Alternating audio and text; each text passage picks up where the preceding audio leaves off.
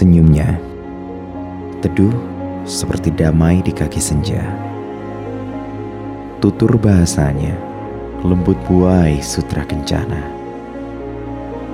Tapi langkahnya tegas bagai penuh wibawa. Sepertinya semangat singa yang begitu diagungkan di tanah kelahirannya melekat padanya. Tak heran karena beliau memulai langkah memang dari tanah ini, tempat ini. Satu langkah kecil di awal kini menjadi sebuah langkah besar, sebuah kepercayaan besar. Jejaknya membawa dan membekas wibawa.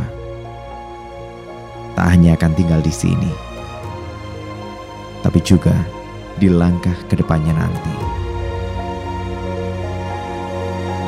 Dari seorang wanita bernama Teguh Yuli Astuti, saya, Anda, dan kita belajar tentang bagaimana menjadi pemimpin yang diikuti bukan karena takut, tapi karena segan dan salut.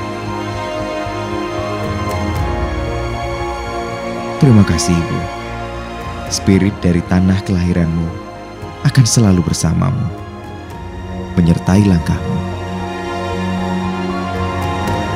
Baktimu, wahai wanita bernas, walau harus bertugas sampai di tapal batas, tak akan hilang dengan lekas.